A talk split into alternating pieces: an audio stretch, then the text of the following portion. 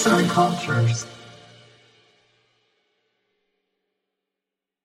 Sempati nedir? Bir kişi derinden duyulduğunu hissettiğinde neredeyse her zaman gözleri nemlenir. Gerçek anlamıyla mutluluktan ağladığını düşünürüm. Sanki şöyle diyor gibidir. Şükürler olsun Tanrım. Biri beni duydu. Biri ben olmak ne demek biliyor. Rogers, yarının insanı. Kişiler arası iletişimde sık sık bireyler anlaşılamamaktan mustariptirler.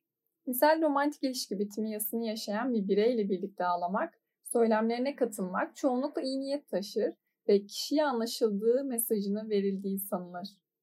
Empatik olarak bilinen, sanılan bu durum aslında literatürde sempati kavramıyla açıklanır.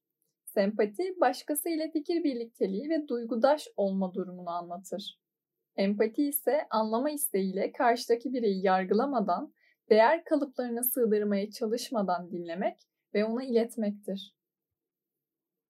Rudolf bu kavramı Almanca bir terim olan Einfühlen yani içine doğru hissetmek, nüfuz etmek olarak tanımlamıştır. Empati tarihte ilk olarak Aristoteles'in Retorik adlı eserinde yer almıştır. Empatinin terapistlerin seansları esnasında olmazsa olmazları arasına girmesi ise 1960'lı yılları bulmuştur. İnsanlık için büyük bir ihtiyaç haline gelen bu kavramın ruh sağlığı alanında kendine köklü bir yer bulmasında ise kendilik psikolojisi kuramı kurucusu Heinz Kohut ve humanist yaklaşım kurucusu Carl Rogers'ın etkisi büyüktür. Heinz empati kavramını aracılı iç gözlem olarak tanımlamış ve empati terapinin ön koşulu olarak görmüştür. Rogers ise bu kavramı bir kişiyle birlikte var olma, kişinin kendine özel algısal dünyasına girmek ve onunla bütünüyle beraber olmak şeklinde tanımlamıştır.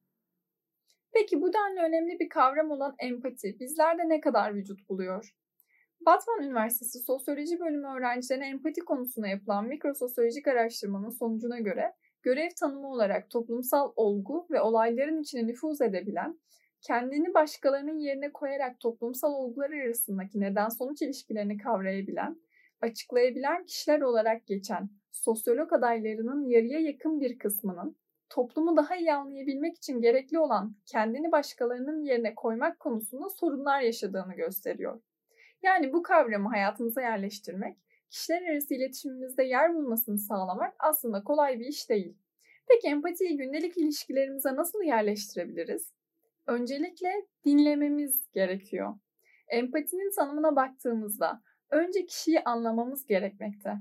İşittiklerimizin anlama süzgecinden geçmesini istiyorsak, öncelikle etkin dinleme, dinlenilenlerin algılanması ve kişinin yaşadıklarını, hissettiklerini, düşündüklerini canlandırmamız gerekiyor. Kişinin içinde olduğu ana gittikten sonra ise onu yansıtan cümleleri ona iletmemiz gerekiyor. Üzgün hissediyorsun çünkü bunları hak etmediğini düşünüyorsun gibi. Empatiyle dolu merhabalarınızın olması temennisiyle. Yazan Hilal Duran, seslendiren Esra Yılmaz.